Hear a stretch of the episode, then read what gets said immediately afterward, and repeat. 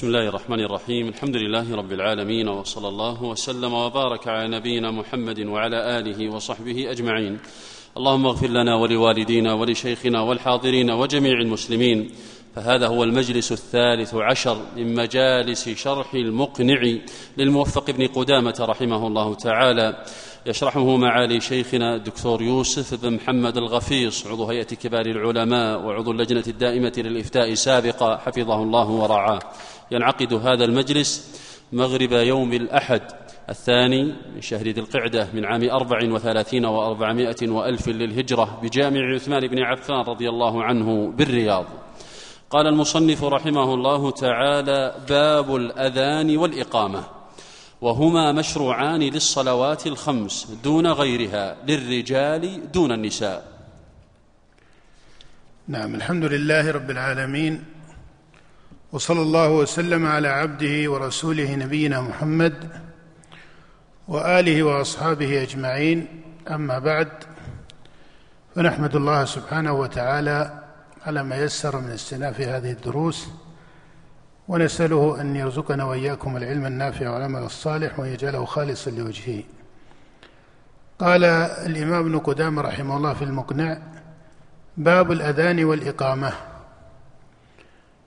وذكر هذا بين يدي أحكام الصلاة من جهة أن الأذان والإقامة كما هو متحقق متصل بها أي بالصلاة فهو دعوة إليها وقيام إليها. قال باب الأذان والإقامة. سمي الأذان أذانا باعتبار أن الأذان إعلام بوقت الصلاة ودعوة إليها والأذان في اللغة هو الإعلام. ومنه قول الحارث بن حلزة وهو من شعراء من شعراء المعلقات آذنتنا ببينها أسماء رب ثاو يمل منه الثواء أي أعلمتنا. وفي قول الله جل ذكره وآذان من الله ورسوله. أي إعلام في البراءة من المشركين.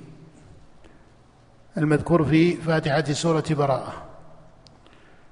إذن الأذان في اللغة الإعلام وهو نداء مخصوص في الشريعة. نداء مخصوص يدعى به إلى الصلاة. وبه يعلم أن الدعوة إلى الصلاة لا يجوز ولا يصح أن تكون إلا بهذه الصيغة التي جاءت في سنة النبي صلى الله عليه وسلم وسنرى أن فيها تنوعا في بعض جملها أو تطبيقها كما سيأتي في أذان ما سمي عند الفقهاء بأذان بلال وأذان أبي محذورة.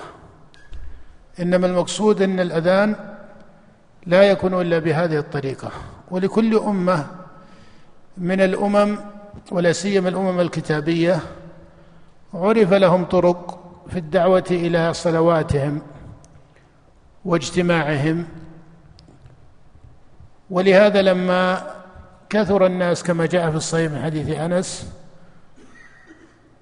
نظروا فيما يدعون به إلى الصلاة فقال بعضهم انتوروا نارا. وذكر بعضهم الناقوس اتخذوا ناقوسا مثل ناقوس النصارى وقال بعضهم قرنا مثل قرن اليهود.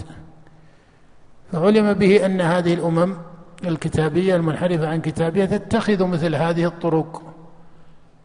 فشرع الله سبحانه وتعالى بما أوحى إلى نبيه صلى الله عليه وسلم شرع هذا الأذان المبارك الذي فيه تعظيم الله وفيه توحيده وفيه تحقيق مقام النبوة والشهادة بأن محمد رسول الله وفيه دعوة إلى الصلاة لأنه مقصود لها وفيه بيان أن الصلاة هي الفلاح وأنها هي النجاة فهذا من تعظيم مقامها. ثم يختم بعد هذا بتعظيم الله وتكبيره ثم كلمة التوحيد والإخلاص بعد هذا العمل الصالح يكون تمامه الإخلاص لله وحده لا شريك له. إذا تأملت فيه وجدت فيه من تحقيق التعظيم لله ورسوله ولدينه في هذه الجمل الشرعية بخلاف ما عليه منحرفة أهل الكتاب من الناقوس وقرن اليهود الذي يصيحون فيه يدعون إلى صلواتهم فإن هذا ليس فيه معنى تألفه النفوس أو تألفه العقول ولا يتضمن تعظيما لله ولرسله ولما شرع لعباده من العباده الصحيحة. وإذا تحقق هذا علم أن الأذان المخالفة في الدعوة إليه بأي صفة من الصفات يكون بدعة. لا يجوز الزيادة فيه ولا أن تغير صيغه ولا أن يزاد فيها ولا ينقص ولا يستعمل في الدعوة إلى الصلاة إلا هو. الأذان الذي شرعه النبي صلى الله عليه وآله وسلم. وكل طريقة تتضمن غير ذلك تكون مجانبة لهذا الأصل.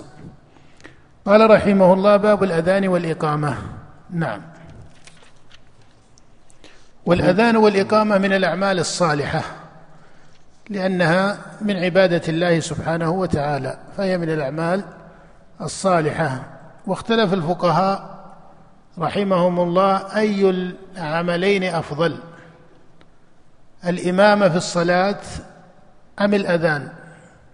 مع اتفاقهم على أن الإمامة في الصلاة والأذان وما يتبعه من الإقامة هي من هو من الأعمال الصالحة. ولكن اختلفوا أيهما أفضل الإمامة في الصلاه أو الأذان. وفي المسألة قولان للفقهاء هما روايتان عن الإمام أحمد. المشهور عند أكثر الأصحاب أن الإقامة أو أن الأذان وما يتبعه من الإقامة أفضل من الإمامة. ومعتبر ذلك أن ما جاء في النصوص من ذكر فضل الأذان لم يرد مثله أو ما هو أعلى منه في الإمامة. ومما دل على فضل الأذان ما جاء في حديث معاوية بن أبي سفيان رضي الله تعالى عنه رواه مسلم وغيره المؤذنون أطول الناس اعناقا يوم القيامة. وهذا من أقوى الأدلة في فضل الأذان ما جاء في حديث معاوية مرفوعا المؤذنون أطول الناس اعناقا يوم القيامة. والرواية الثانية عن الإمام أحمد رحمه الله والقول الثاني للفقهاء أن الإمامة أفضل. قالوا لما يكون عليه الإمام من الصفة؟ فإن النبي صلى الله عليه وسلم كما في حديث أبي مسعود قال يا أم القوم أقرأهم لكتاب الله. فإن كانوا في القراءة سواء فأعلمهم بالسنة إلى آخره. فجعل النبي صلى الله عليه وسلم من صفات الإمام الشرعية في العلم والدين ما لم يذكر مثله في الأذان. ما لم يذكر مثله في الأذان. فإنه جعل فيه من الصفات الشرعية في العلم والدين. أما من حيث العلم فقوله يا أم القوم أقرأهم لكتاب الله. فإن كانوا في القراءة سواء فأعلمهم بالسنة فهذا العلم هذه صفة العلم. فإن قيل فأين صفة الدين؟ في صفة الإمام في حديث أبي مسعود. نقول إن النبي في حديث أبي مسعود ذكر في الإمامة من صفة العلم والدين. أما العلم فقوله أقرأهم لكتاب الله فإن كانوا في القراءة سواء فأعلمهم بالسنة هذا بين. فإن قال قائل فأين ذكر الدين في حديث أبي مسعود؟ قيل ماذا؟ قيل كل وصف في العلم فهو وصف في إيش؟ في الدين. فإن العلم هنا علم الشريعة وهو عبادة. فكونه أقرأ لكتاب الله هذا وصف علمي ووصف ديني. وكونه أعلم بالسنة هذا وصف علمي ووصف إيش؟ ديني. ألست ترى أن النبي قال في حديث عثمان في الصحيح وغيره خيركم من تعلم القرآن وعلمه. فالعلم بالقرآن وقراءته والعلم بالسنة هذا مقام من الدين كما أنه مقام من العلم هذا وجه. الوجه الثاني أن في حديث أبي مسعود من تفصيل الصفات ما هو أيضا يكون مطابقا لذكر المسألة الدينية. وهو قوله فإن كانوا في السنة سواء فأقدمهم هجرة. والهجرة عمل ودين. ويتضمن هذا العمل والدين في الجملة مقام من العلم. وفي الصفة الأخرى في حديث أبي مسعود فأقدمهم سلما على رواية أي إسلاما. فالمقصود أن النبي جعل في الإمامة من الصفات ما لم يذكر مثله في الأذان. وقال أصحاب هذا القول إن النبي صلى الله عليه وآله وسلم أما الناس وكذلك الخلفاء من بعده الخلفاء الراشدون فدل على أن مقام الإمامة أفضل من مقام الأذان. ولكن هذا خلاف المشهور عند أكثر الأصحاب عن الإمام أحمد رحمه الله. وفيما يظهر أن الجزم بأحد الوجهين يقع النظر فيه من حيث النظر باعتبار العمل مجردا وباعتبار العمل قائما بفاعله. فأما إذا فرضت الثاني أن العمل قائم يكون قائما بفاعله فهذا يتجه فيه ما سماه بعض أهل العلم طريقة ثالثة في الخلاف أو وجها ثالثا في الخلاف. قالوا إن الإمام أفضل لمن كانت له مناسبة والأذان أفضل لمن كان له مناسبا فما أطلقوا أن هذا أفضل أو هذا أفضل. وأما إذا اعتبرت من حيث التجريد فعناية الشريعة بمقام الإمامة لا شك أنه أظهر من العناية بصفة المؤذن. ومما يدل عليه أن حديث مالك بن الحويرث الذي رواه البخاري وغيره أن النبي صلى الله عليه وسلم لما أراد مالك وأصحابه أن ينصرفوا إلى أهلهم أوصاهم النبي صلى الله عليه وسلم بما أوصاهم به وكان مما أوصاهم به أن يصلوا جماعة. قال لهم وليؤمكم من أقرأكم وليؤذن لكم أحدكم. فلما ذكر الإمامة اختار لها اختيارا عليه الصلاة والسلام بالصفة أن يؤم الأقرأ. ولما ذكر الأذان قال وليؤذن وليؤذن لكم أحدكم مما دل على أن أمره أوسع من حال الإمام وهذا مستقر عند عامة أهل العلم. فإذا من حيث الأدلة لا يظهر في, في الأدلة حتى حديث معاوية فيه ذكر فضل الأذان لكن ليس فيه أن الإمام لا تصل أو أن الأئمة لا يصلون إلى قدر من هذا الفضل. ولكن يبقى أن الخلاف في المسألة معروف والراجح في مذهب الإمام أحمد عند أصحابه أن الأذان أفضل. وهذه مسألة ليس بالضرورة الجزم فيها لأنه إذا خوطب الإنسان من جهة اختياره فالحقيقة أن الأمر يعتبر أيضا بالصفة.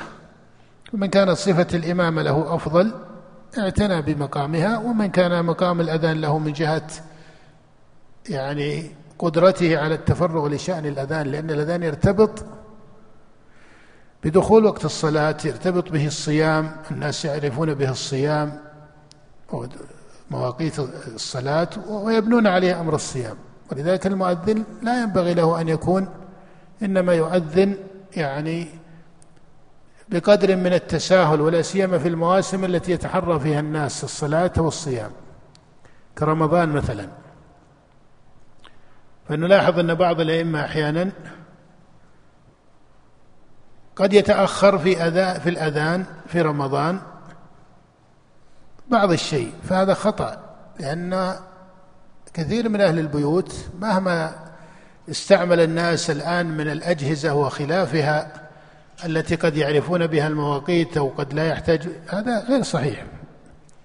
لا يزال الناس وسيبقى كثير منهم وهذا هو الأصل الشرعي أنهم يعتبرون بالأذان. فإذا تأخر دقائق أحيانا وسمعوا أهل البيوت يؤذن بعد دقائق ظنوا أنه الآن أذن الفجر في حين أنه قد يكون الوقت دخل قبل ذلك. فهذا يؤدي إلى إيش؟ يؤدي إلى أن أصحاب هذه البيوت يقولون نأكل لين نسمع أذان المؤذن. ما بعد سمعوا الأذان وتأخر أربع دقائق خمس دقائق هذا خطأ. العكس كذلك يقع من بعض المؤذنين. أنه يذن قبل الأذان بدقيقتين مثلا. يقول خلي الناس ينتبهون. وهذا خطأ أيضا. لأنه قد يكون بعض الناس ينتظر سماع المؤذن يريد إيش؟ خاصة الآن يعني سهر الناس والشباب بعضهم هداه الله يصير يعني بس ما يدقق على مسألة السنة وانتظار يعني أحيانا يقول بس خلاص بس يحتري إيش؟ يسمع الأذان يبي يكبر. يصلي الفجر وينام مثلا. هذا يقع أحيانا كتصرف للإنسان. بغض النظر عن كون هذا خلاف الفاضل أو ما إلى ذلك لكنه واقع وقد يكون يكثر أحيانا. فماذا يفعل؟ فإذا أذن قبل قال دقيقتين نحتاط لصيام الناس. لا. أولا الاحتياط لصيام الناس خطأ لأنه وقت. الله يقول فكلوا واشربوا حتى يتبين لكم الخيط الأبيض. اللي بيأكل ويشرب هذا حق له.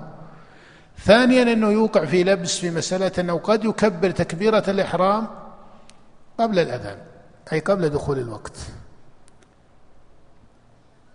قد يقول قائل لكن الدقيقة والدقيقتين هل تؤثر؟ نقول يجب على الناس أن يعتبروا بهذه المعايير؟ في الأصل إذا وقعت حالات إنسان يقول كبرت قبل دقيقة ولا إنسان يقول قبل هذه وقائع أعيان لها فتواها. لكن لا يصح للناس أن يوسع عندهم المعيار ويقال الدقائق الدقيقة والدقيقتين والثلاث والأربع ما فيه شيء. هذا منهج لا يصح تأسيسه كابتداء. إذا وقعت بعض قضايا العيان قدرت بقدرها. كالدقيقة هل, هل تؤثر ولا تؤثر؟ هذا يقدر بفتوى لكن أساسا الناس يعتبرون بالمعايير المنضبطة. وكلما كانت أكثر اضطرادا آه، وجب التزامها. قال المصنف رحمه الله نعم. وهما وهما مشروعان. للصلوات الخمس دون غيرها. أي الأذان والإقامة وسيأتينا صفتها. مشروعان والكلمة لا تدل على الفرض إنما عبر المصنف بقوله مشروعان. وبين الفقهاء كما هو معروف خلاف في حكم الأذان والإقامة والراجح وهو الذي عليه الأكثر أنهما فرض كفاية. والقول الثاني أنهما سنة.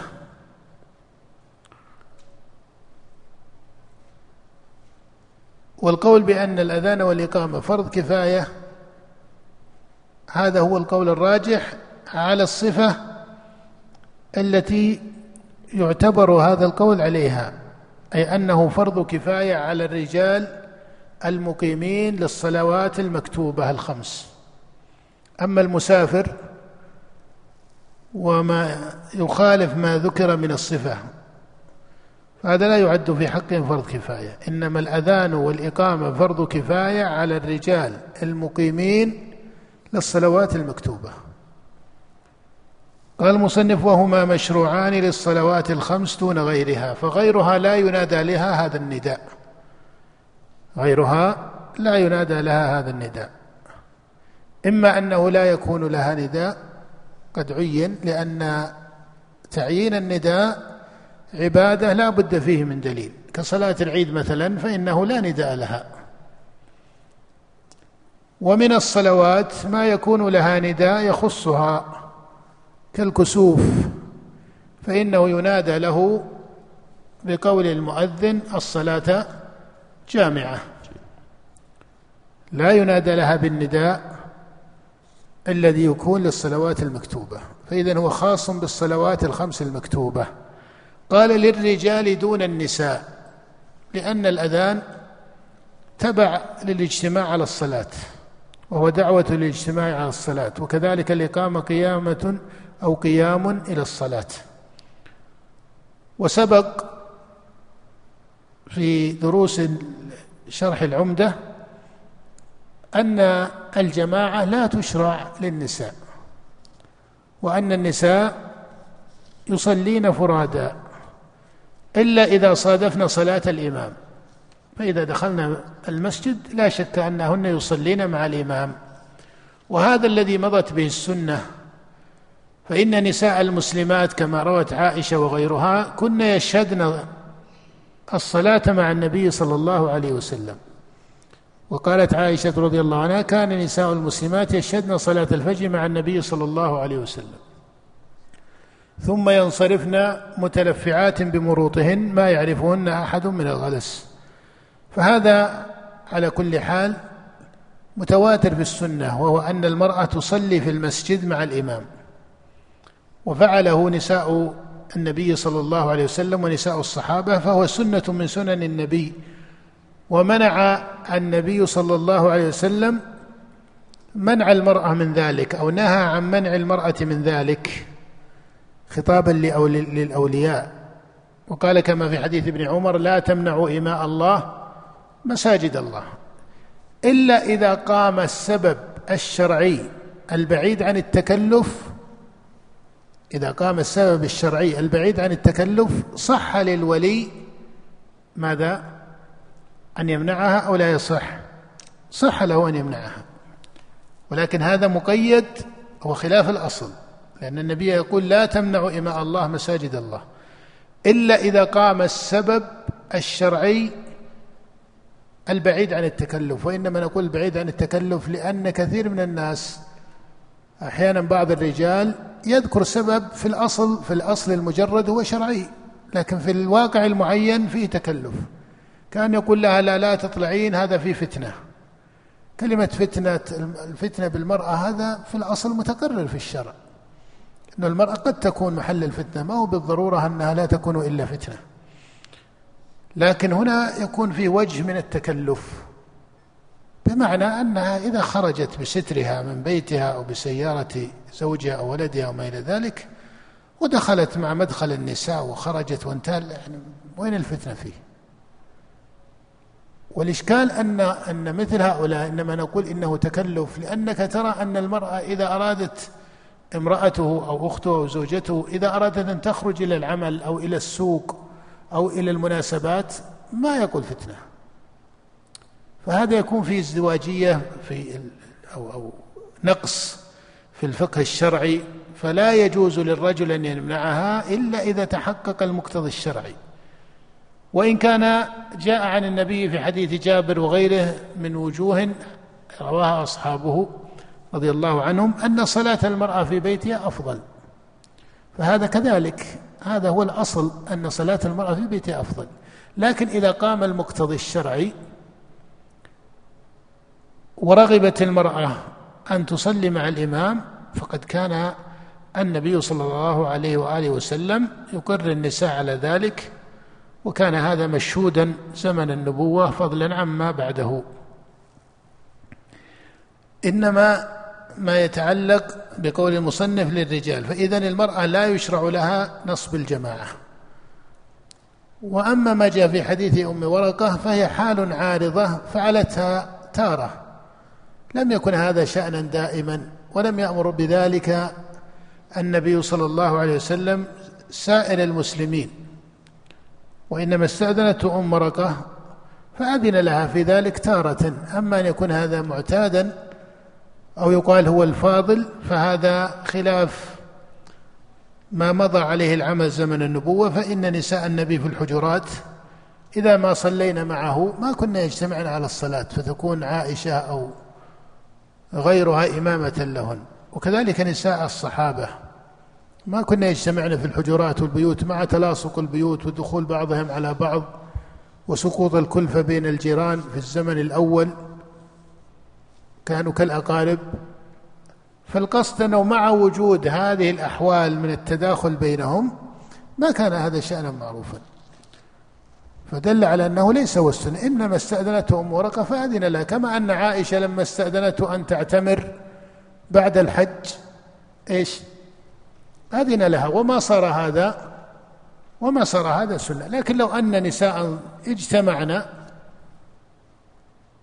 لو أن نساء اجتمعنا قيل هذا فيما بينهن إذا عرض أنه بعض الفقهاء يمنع ذلك مطلقا. لكن ما ورد في حديث أم مرقة يجعل هذا تارة. أما أنه سنة فليس بسنة. إنما المرأة سنتها أن تصلي في بيتها أو تصلي مع الإمام. وإذا قيل الأفضل قيل الأصل أن صلاتها في بيتها أفضل. الأصل أن صلاتها في بيتها أفضل. لكن إذا قام المقتضي الشرعي المرجح في الخروج عن هذا الأصل مثل لو كان صلاتها مع الإمام أتبع لفقهها في القرآن وإلا أقوى على قيامها الليل فأرادت أن تستتم ذلك وما إلى ذلك فهذه معتبرات شرعية والشريعة وسعت في ذلك ولا أدل على توسعة الشريعة في ذلك أن النبي صلى الله عليه وسلم مع قوله إن صلاتها في بيتها أفضل كان يحمد للنساء ما هن عليه.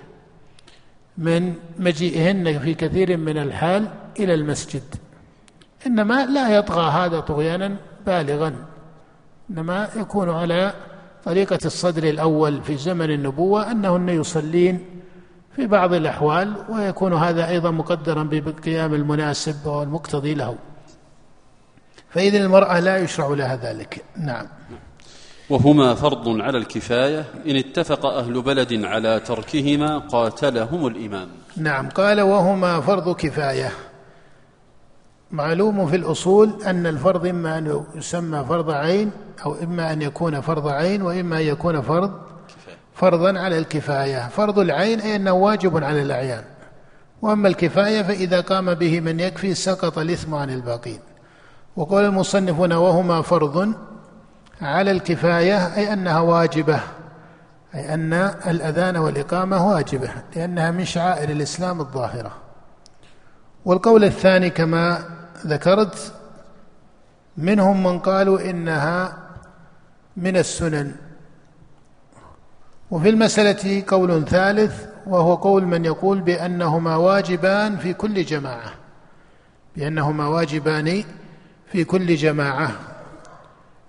والقول الأول الذي ذكره المصنف هو الذي عليه الأكثر من الفقهاء وهو مذهب الإمام أحمد وهو أظهر الأقوال أن الأذان والإقامة فرض كفاية على الرجال المقيمين للصلوات المكتوبة فإذا قام به من يكفي سقط الإثم عن الباقين. لكن إذا قلنا إنه فرض كفاية إذا قلنا إنه فرض كفاية إذا قام به من يكفي سقط الإثم عن الباقين لا يصح للمؤذن أن يهجر الأذان أو يهجر الإقامة أو لأهل مسجد أو لجماعة أن يهجروه مطلقا.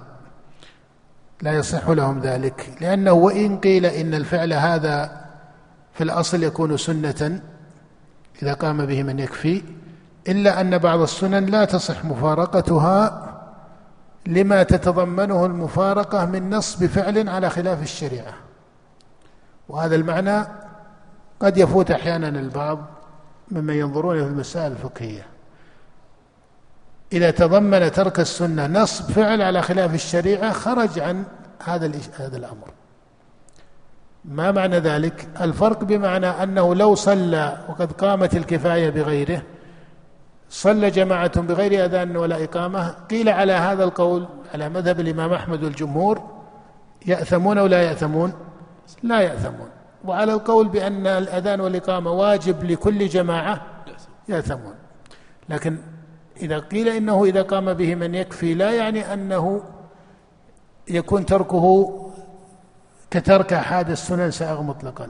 ألست ترى مثلا أن الجهر بالقراءة في صلاة المغرب والعشاء والفجر والإسرار في صلاة العشي الظهر والعصر.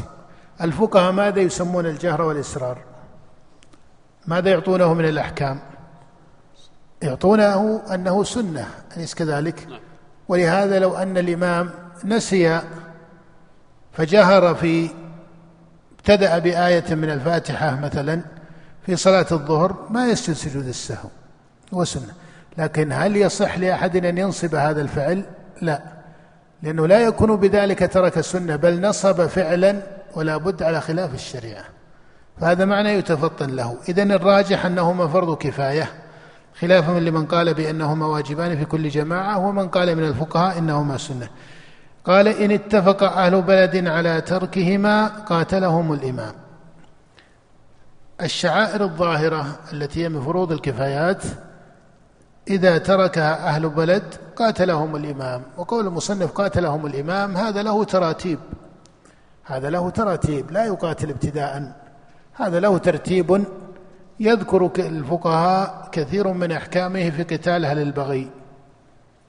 وهذا كتاب سيأتينا إن شاء الله تعالى في هذه الأحكام المتعلقة بذلك. وأخذوا ذلك من أن الشعائر الظاهرة ولا سيما ما كان منها من فروض الكفايات تركها يكون تعطيل تعطيلا لشعائر الإسلام. ومما جاء في الباب ما جاء عن أنس رضي الله تعالى عنه قال أنس رضي الله عنه كان النبي صلى الله عليه وسلم يغير إذا طلع الفجر فإن سمع أذانا أمسك وإلا أغار. قال كان النبي صلى الله عليه وسلم يغير إذا طلع الفجر فإن سمع أذانا أمسك وإلا أغار. قال فسمع رجلا يقول الله أكبر. فقال النبي صلى الله عليه وسلم على الفطرة أي أن هذه كلمة على الفطرة لكنها ليست هي الدخول في الإسلام. فقال لا إله إلا الله أو قال أشهد أن لا إله إلا الله فقال النبي صلى الله عليه وسلم خرجت من النار قال فنظروا فإذا هو راعي معزاء هذا الحديث رواه مسلم وغيره التمس منه بعض أهل العلم هذا الحكم.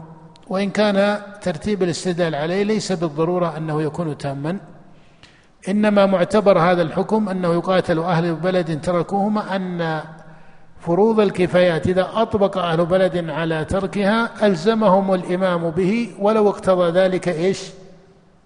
ولو اقتضى ذلك المقاتلة. لكن ليس المقاتلة تعني القتل كما هو بين لا يستلزم قولهم المقاتلة أنها تباح دماؤهم. إنما المقصود الإلزام حتى ولو أدى إلى المقاتلة وهذا له شرط وترتيب كما هو معروف. نعم. قال رحمه الله ولا يجوز أخذ الأجرة عليهما في أظهر الروايتين. قال ولا يجوز أخذ الأجرة عليهما في أظهر الروايتين. لأن النبي صلى الله عليه وسلم قال لعثمان ابن أبي العاص كما في السنن وغيرها واتخذ مؤذنا لا يأخذ على أذانه أجرا. ولكونهما من أعمال القرب المحضة. لكون الأذان والإقامة من أعمال القرب المحضة. وعن الإمام أحمد كما أشار المصنف روايتان في ذلك هما قولان للفقهاء هل يجوز أخذ الأجرة أو لا يجوز؟ الجمهور على أنه لا يجوز أخذ الأجرة عليهما. وهذا هو الراجح لما جاء في حديث عثمان بن أبي العاص ولأنهما من أعمال القرب. ولأنهما من أعمال القرب. نعم. قال رحمه الله فإن لم يوجد متطوع بهما رزق الإمام من بيت المال من يقوم بهما. الرزق الذي يذكره الفقهاء ليس هو الأجرة. الأجرة إذا قال شخص لجماعة المسجد أو لأهل الحي أو لمن عمر المسجد قالوا نريدك يا فلان مؤذنا فقال لا أكون مؤذنا إلا تعطوني في الشهر كذا وكذا. أو أعطوني كذا وكذا وأكون لكم مؤذنا هذا لا يصح في أصح القولين وهذا هو المقصود بالأجرة. أما ما يجريه الإمام أي الحاكم المسلم ما يجريه ولي الأمر للمؤذنين فهذا من بيت مال المسلمين. فهذا من بيت مال المسلمين يكون رزقا لا يدخل في الأجرة. لا يدخل في الأجرة. ولذلك ما مضى عليه العمل في هذه البلاد من أن المؤذن ما تعد ما يعدون الأذان والإمامة وظيفة لأنه ما يجمع في النظام بين وظيفتين. ما يكون وظيفته أنه إيش؟ أنه إمام ويسابق على أن يكون إمام وتكتسب اكتساب من جنس اكتساب الوظائف. هذا منهج في الحقيقة منهج فاضل. إنما يعطى الإمام أو يعطى المؤذن رزقا من بيت مال المسلمين. لكن ليس اعتبارها اعتبار الوظائف التي تخضع لطبيعة الوظيفة وأن الإنسان يتكسب من خلالها وتكون من بيت المال أو من غير بيت المال كالوظائف فيما يسمى القطاعات الخاصة وغير ذلك. فإذا يأخذ رزقا من بيت المال هذا لا بأس به وهو من الإعانة على البر والتقوى إذا صلحت النية. ومن كان غنيا عنه فتركه أو جعله في باب من البر فهذا من الصدقة.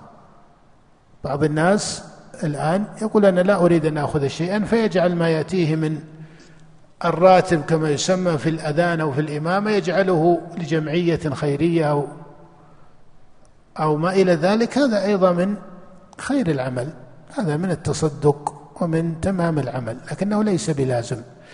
نعم. وينبغي أن يكون المؤذن صيتا امينا عالما بالأوقات. وينبغي أن يكون المؤذن صيتا. عبر المصنف بكلمة وينبغي لأن هذا ليس على سبيل الشرط. فكل مسلم يصح أذانه. كل مسلم حتى الفاسق يصح أذانه لأنه إذا صحت إمامته فأذانه من باب أولى وأظهر القولين أن الفاسق تصح إمامته أن الفاسق تصح إمامته فكذلك يصح أذانه من باب أولى لأن الشارع كما سبق معنا في حديث مالك بن الحويرث وحديث أبي مسعود ما جعل في المؤذن من الصفة ما جعلها في الإمام. فهذا جعل المصنف رحمه الله يقول وينبغي أن يكون المؤذن صيتا لأنه يراد به أن يسمع الناس أمينا لأنه يراعي الوقت ولا سيما في الزمن الأول يعتبرون ذلك بأنه يرقب الشمس وما إلى ذلك. قال أن يكون صيتا أمينا عالما بالأوقات فلا بد أن يكون أمينا. أما إذا عرف أنه على خلاف الأمانة ما صح ذلك. فإذا كلمة وينبغي أو قوله وينبغي هذا الاستعمال لا ينفي اللزوم لكنه لا يقتضيه أو يستلزم اللزوم. وإلا قوله أمينا هذا لا بد منه. فمن علم ثبتت الشهادة عليه بخلاف الأمانة في الأوقات ما صح أن يكون مؤذنا. قال فإن تشاح فيه أي في الأذان نفسان قدم أفضلهما في ذلك. لكن التقديم فيه ليس كالإمامة. لأن الشارع ما رتبه ترتيبا ثم أفضلهما في دينه وعقله. نعم. فإن تشاح فيه نفسان قدم أفضلهما في ذلك ثم أفضلهما في دينه وعقله ثم من يختاره الجيران نعم فإن استويا أقرع بينهما. ومما يدل على التيسير فيه أن النبي صلى الله عليه وسلم اتخذ مؤذنا أعمى وهو ابن أم مكتوم الأعمى كما تعرف لا يستطيع أن يرقب الشمس إلى آخره. فكان يؤذن للنبي صلى الله عليه وسلم وإن كان غالب الحال الأذان هو أذان بلال لكن كان يؤذن وكان يراجع الناس أو يخبره الناس بذلك. وكان هو الذي يؤذن لصلاة الفجر. وكان بلال رضي الله تعالى يسبقه بالأذان الأول.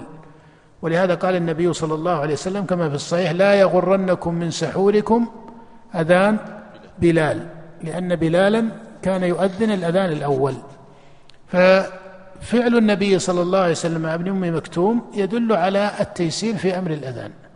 نعم. والأذان خمس عشرة كلمة لا ترجيع فيه.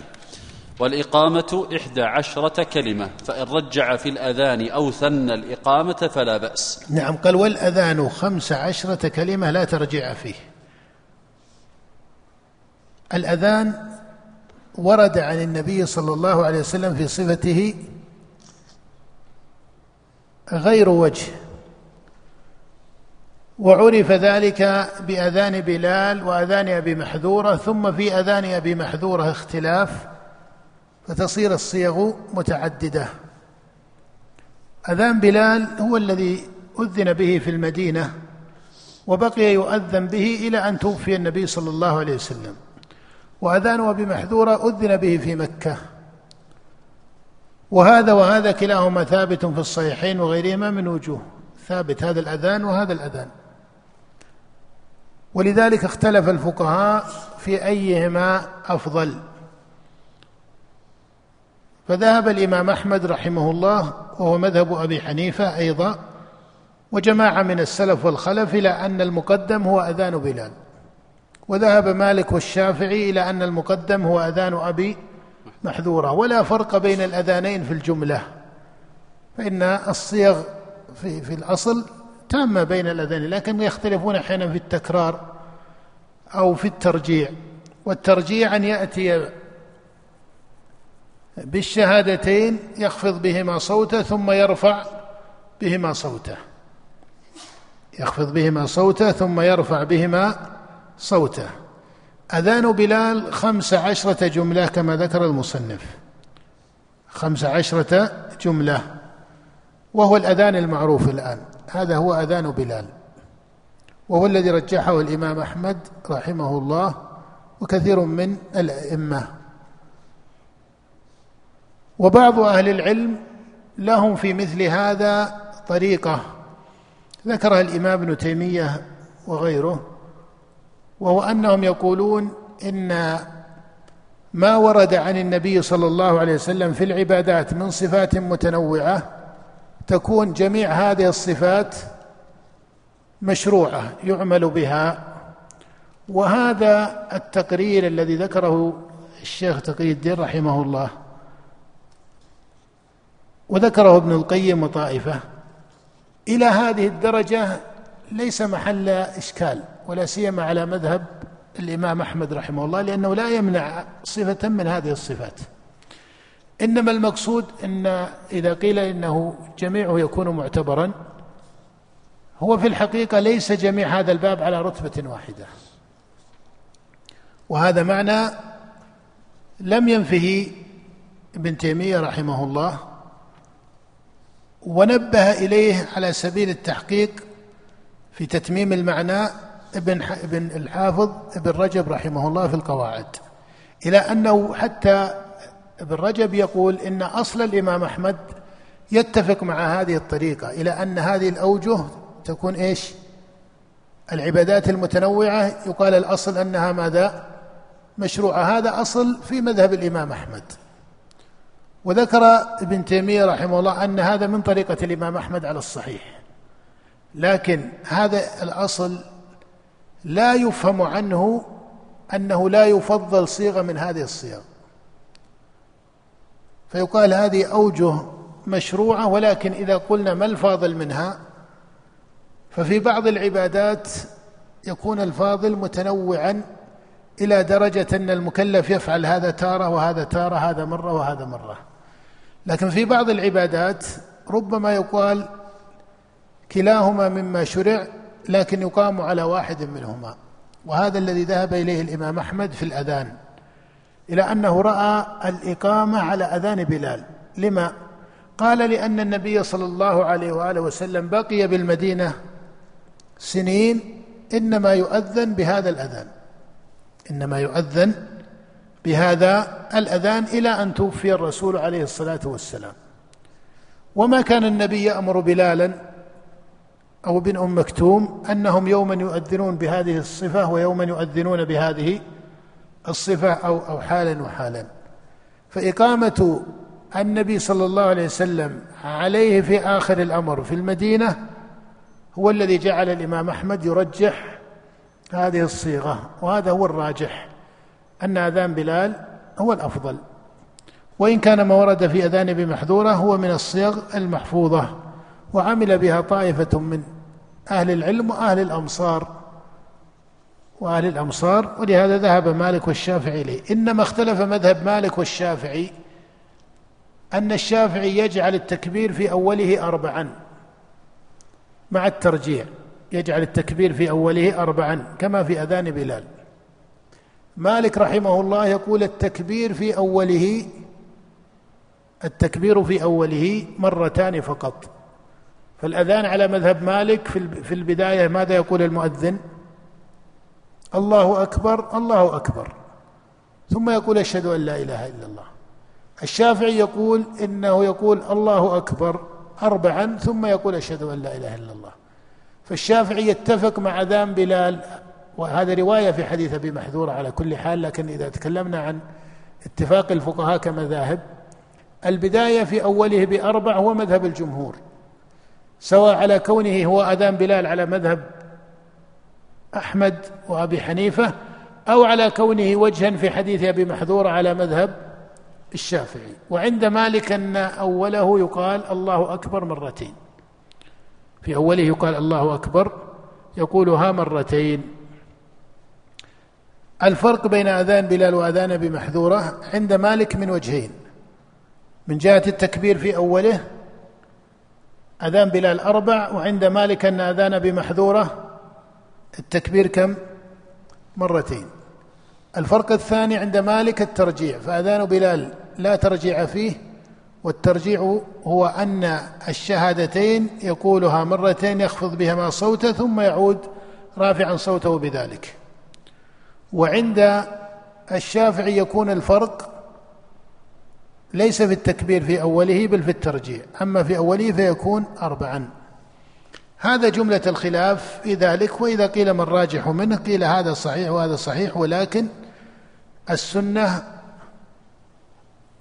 من حيث الراجح هو أذان بلال. إلا إذا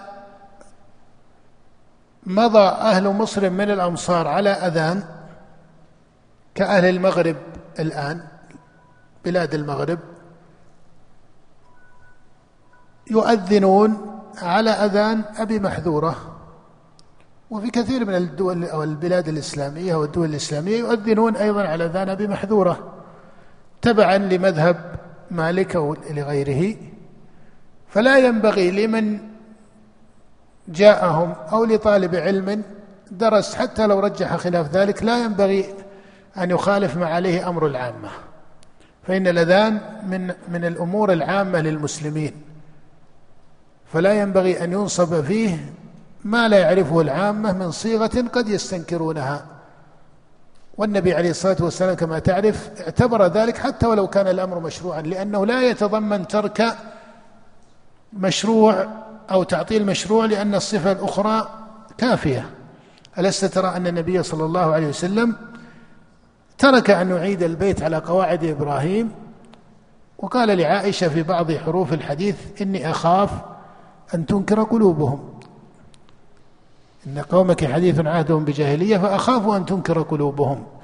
فكذلك طالب العلم لا ينبغي له أن يأتي في مثل هذه المسائل الواسعة. ما تنكره قلوب العامة. هذا لا يتضمن إقرارا لباطل هذا إنما هو إقرار لأمر مشروع. والقول بأن هذا أفضل وهذا أفضل ليس مما يجزم به على كل حال. ليس مما يجزم به ليس بينا. إنما هو من ما يقال فيه بنوع من الترجيح ليس ترجيحا فصيحا أو أو دليله بينا. نعم. قال رحمه الله ويقول في أذان الصبح الصلاة خير من النوم مرتين. ويقول في أذان الصبح الصلاة خير من النوم مرتين. وهذا ما يسمى عند الفقهاء بالتثويب وهذا محله الصحيح أنه يقال في أذان الصبح بعد حي على الصلاة حي على الفلاح يقول الصلاة خير من النوم مرتين. هذا يسمى التثويب وهو مشروع عند الجمهور. وبعض أهل الكوفة يقول التثويب أن يقول بين الأذان والإقامة الصلاة خير من النوم كأنه نداء خاص. وهذا خلاف ما ورد. الذي ورد في السنة هو ما ذهب إليه الجمهور وذكره المصنف أنه يقال في أذان الصبح. في النداء الثاني وهو الأذان الذي يكون على دخول الوقت أو بدخول الوقت ويسمى عند الفقهاء التثويب وثبت ذلك في فعل مؤذن النبي صلى الله عليه وسلم. نعم. ويستحب أن يترسل في الأذان ويحضر الإقامة. ويؤذن قائما. التثويب كما هو ظاهر في كلام المصنف خاص بصلاة الفجر لا يقال في غيرها. قال المصنف ويستحب أن يترسل في الأذان ويحضر الإقامة. بعض أهل العلم كره التثويب لكن الراجح أنه مشروع وهو الذي عليه الجمهور. وإلا بعض أهل العلم كرهه وبعضهم كما قلت جعله بين الأذان والإقامة والراجح أنه مشروع لمجيء السنة به. قال ويستحب أن يترسل في الأذان ويحضر الإقامة. كما قال عمر بن عبد العزيز رحمه الله لمؤذنه أذن أذانا سهلا. فالأذان يرفعه من كان عنده صوتا ويترسل في إلقائه لكن ترسل معقول لا يكون ترسلا مبالغا فيه لأن هذا لم يكن مألوفا عند السلف رحمهم الله لأن هذا ليس من طرق العرب في إلقائها. للكلام. فالترسل هو أن لا يستعجل الأذان يحضره حدرا مثل ما قد يفعله بعض العامة. لا ترى فرقا بين طريقة أذانه وطريقة إيش؟ إقامته. هذا ما يفعله بعض العوام في بعض الأحوال هذا خطأ.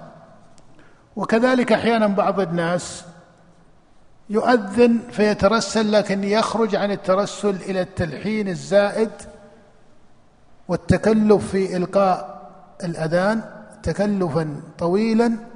هذا كما قال عمر بن عبد العزيز لمؤذنه أذن أذانا سهلا وإلا اعتزلنا.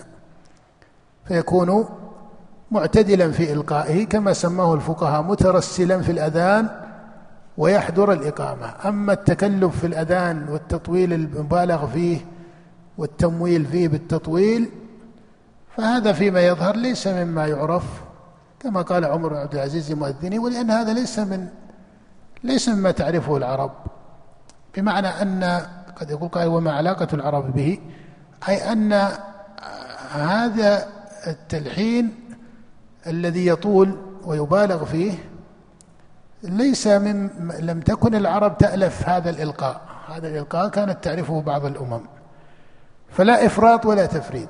كما قلت بعض الناس يلقي الأذان كأنه ينادي نداء سريعا يحضره وربما أقوى من درجة الحذر ما يمديك تتابع معه أحيانا. فهذا ما يفعله بعض العوام خطأ. وما قد يفعله أحيانا بعض الشباب. يتكلف في الأذان ويبالغ في الأذان يعني يطول ويتكلف في التمويل والتطويل كما يسمى. هذا أيضا ليس مما يشرع وإنما المشروع كما قال الفقهاء أن يترسل في الأذان يلقيه بشيء من الترتيل المعتدل ويحضر في الإقامة. نعم. قال ويؤذن قائما متطهرا على موضع عال مستقبل القبلة مستقبل القبلة. نعم. ويؤذن قائما وهذا هو السنة ولو أذن جالسا صح لكن من السنة أن يؤذن قائما. وحكى ابن المنذر وغيره الإجماع على ذلك. متطهرا ولو أذن على حدث صح ولكنه خلاف السنة. على موضع عال أي ليسمع. واليوم كما تعرفون كثر في كثير من أحوال المسلمين أنهم لا يحتاجون إلى هذا الارتفاع لهذه المكبرات التي صارت أبلغ. فإذا قام المقتضي فعل ذلك مستقبل القبلة وهذا أيضا من سنن الأذان وليس من شرطه. نعم. قال فإذا بلغ الحيلع فإذا بلغ الهيعلة التفت يمينا وشمالا ولم يستدر ويجعل إصبعيه في أذنيه. ولم يستدر أي لم يستدر بجسده لما جاء في حديث عبد الله بن زيد قال فجعلت أتتبع فاه ها هنا وها هنا. فهذا الالتفات من سنن الأذان وليس من شرطه ليس من شرط صفته. نعم. ويجعل إصبعيه في أذنيه. ويجعل إصبعيه في أذنيه. وهذا لا ينبغي تركه حتى لمن يؤذن بالمكبر الآن. لا ينبغي تركه لأنه هيئة لأنه هيئة. وضعها الشارع أما أن يقال إنه من أجل رفع الصوت وما إلى ذلك فهذا يحتمل الأمر له. لكن هل هو لهذا المعنى وحده؟ أو ليس له ولو قدر جدلا أنه لهذا المعنى وحده هل يعني بوجود المكبرات أن يترك هذه مقدمات هي محل نظر ولذلك من حيث النتيجة الذي يظهر أن المؤذن ينبغي له أن يضع يديه في أذنيه أو إصبعيه في أذنيه على ما جاءت به السنة ولو كان يؤذن من هذا المكبر لأنها هيئة. نعم. والالتفات أيضا وكذلك الالتفات. وكذلك الالتفات. نعم. ويتولاهما معا. ويتولاهما معا. من أذن فهو يقيم. هذا جاء في حديث زياد بن الحارث رواه أبو داود وغيره. ولكنه حديث فيه علة فإنه يرويه عبد الرحمن بن زياد بن أنعم. ولكن هذا الذي مضت به السنة. وإلا جاء في حديث زياد بن الحارث الصدائي أن النبي صلى الله عليه وسلم قال من أذن فهو يقيم. لكن الحديث فيه ضعف فيه عبد الرحمن أو فيه زياد بن عبد الرحمن. ولكن دليل ذلك هو أن السنة مضت بهذا. ولو أقام غيره صح لكنه خلاف السنة. ويقيم في موضع أذانه إلا أن يشق عليه. قال ويقيم في موضع أذانه إلا أن يشق عليه. وهذا إذا تيسر له ذلك وأما إذا كان يعلو منارة فإن المنارة لم تكن موجودة زمن النبي صلى الله عليه وسلم. فكان يعلو على شيء يدركه يدرك إمامه فيه. أما إذا كان يطلع على المنارة والمنائر صارت بعض المساجد كما هو معروف لما كان يستطلعون على المنائر بعيدة. فلما يطلع على يقيم على المنارة هذا يكون فيه وغيب أصلا عن أهل المسجد أحيانا لا يسمع له. نعم. ولذلك الإمام أحمد وسع فيه. نعم. والآن المصلحة والمتيسر أنه يقيم في موضعه لأنه يؤذن داخل المسجد. نعم. يؤذن أحسن الآن يؤذن. إذا نقف على قول المصنف رحمه الله ولا يصح الأذان إلا مرتبا متواليا. وبالله التوفيق.